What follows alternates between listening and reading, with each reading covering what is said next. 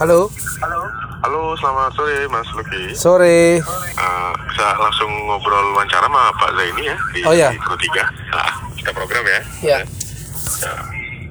dan kebutuhan wisatawan domestik. Apa yang kita lakukan saat ini saya pikir sudah tepat melalui Bangga Buatan Indonesia. Kita sudah bergerak mempersiapkan produk-produk unggulan daerah. Dengan demikian sinergi Bangga Buatan Indonesia dengan Bangga Berwisata di Indonesia aja dapat berkontribusi bagi perekonomian bangsa Indonesia.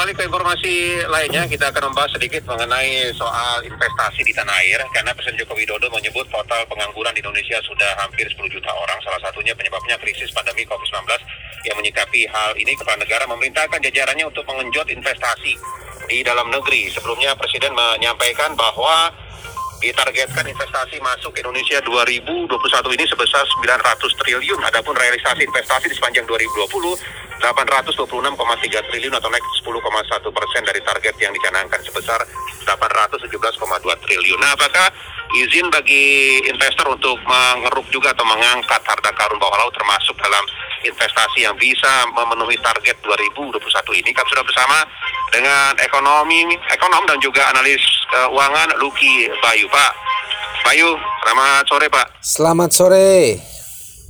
Pak Bayu, dengan adanya target seperti ini ya Pak, dan dibukanya investasi termasuk juga pengangkatan harta karun bawah laut, apakah bisa memenuhi target dari Pak Presiden 900 triliun di 2021 ini? Ya, sebenarnya objek eh, investasi tersebut haruslah mengacu kepada eh, apa yang menjadi eh, ketetapan yang kita ketahui di mana eh, ada eh, pasal 33 dalam UUD 45 yang kurang lebih apa yang dihasilkan dari eh, kekayaan bumi harus dikembalikan sebaik-baiknya dan eh, sepenuh-penuhnya untuk eh, kesejahteraan eh, rakyat Indonesia. Nah, artinya Ya. kalaupun nanti persoalan tersebut ternyata menjadi objek eh, transaksi yang in- potensial eh, itu saya kira tidak masalah dan strategi ada beberapa strategi yang sebenarnya dapat digagas antaranya adalah kalau memang perusahaan-perusahaan asing ingin ikut berpartisipasi dalam rangka Ya. menggali potensi eh, di eh, Indonesia itu eh, harus dianjurkan ya, anjurkan untuk sebut saja apakah mereka harus eh, melakukan eh, listing di Bursa Efek Indonesia dengan cara eh, penyertaan sebagai PMA ya, perusahaan Ya. eh, modal asing. Jadi perusahaan jelas terdaftar begitu ya Pak? Betul. Jadi Ya. karena apa? Harus dilekatkan dengan aspek transparasi satu itu. Kemudian harus dilekatkan dengan aspek integritas karena kembali lagi bahwa yang kita pikirkan adalah pasal 33 UUD 45. Nah, itu jadi aspek integritas tersebut bisa diwujudkan salah satunya dengan uh, listing.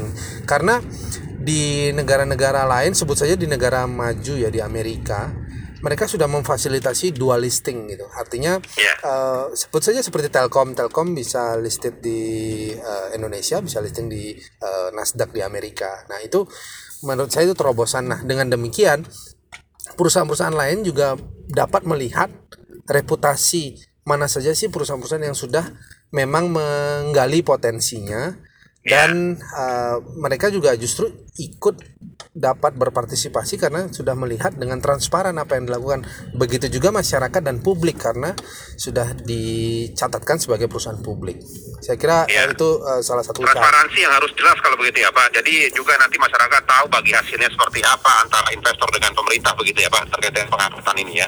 Ya. Ini ya. ya saya kira demikian itu Nah kalau dilihat dari peraturan yang sudah turun ini Pak Bayu belum melihat kejelasan soal soal bagi hasilnya bagaimana, soal mekanismenya bagaimana belum belum jelas begitu Pak.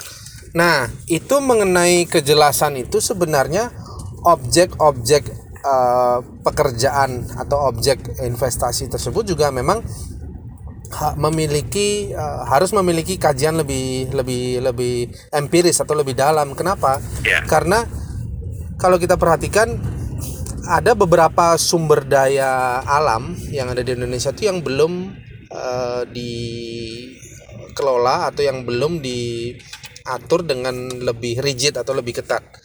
sebut saja misalkan persoalan smelter. Nah, smelter Ya. itu sebenarnya adalah langkah yang baik gitu. Langkah yang baik. Kenapa? Karena sumber daya yang ada di Indonesia itu dikelola di Indonesia melalui smelter, lantas hasil jadinya dikirim ya atau boleh dijadikan produk eh, jual beli eh, kepada pihak lain terutama eh, investor asing gitu.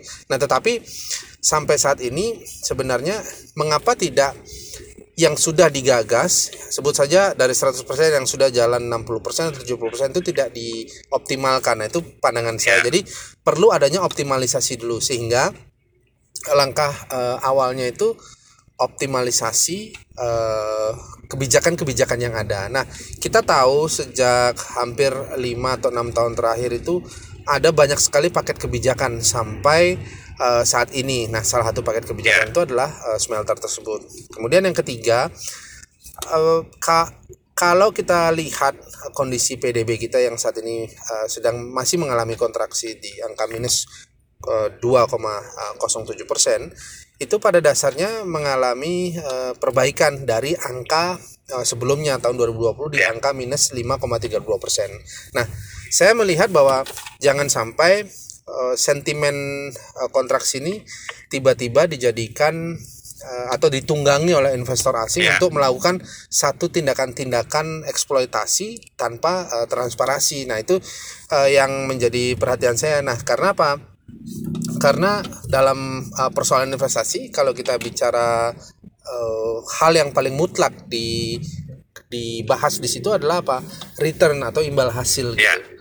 Saya kira Jangan demikian. diterima oleh pemerintah untuk surat besarnya, kemakmuran lihat lagi, dibalikan ke sana lagi begitu ya Pak Luki ya. Ya, yang Harus jelas aturan mainnya seperti apa begitu ya. Betul. Nah, dan proyeksi Iya. saya itu untuk PDB ke depan itu masih dapat mengalami perbaikan karena target pertama kita setelah mengalami minus eh, 5,32% sebelumnya dan saat ini sudah ada di angka minus 2,07 target saya itu kurang lebih eh, ada di angka eh, 1,7%.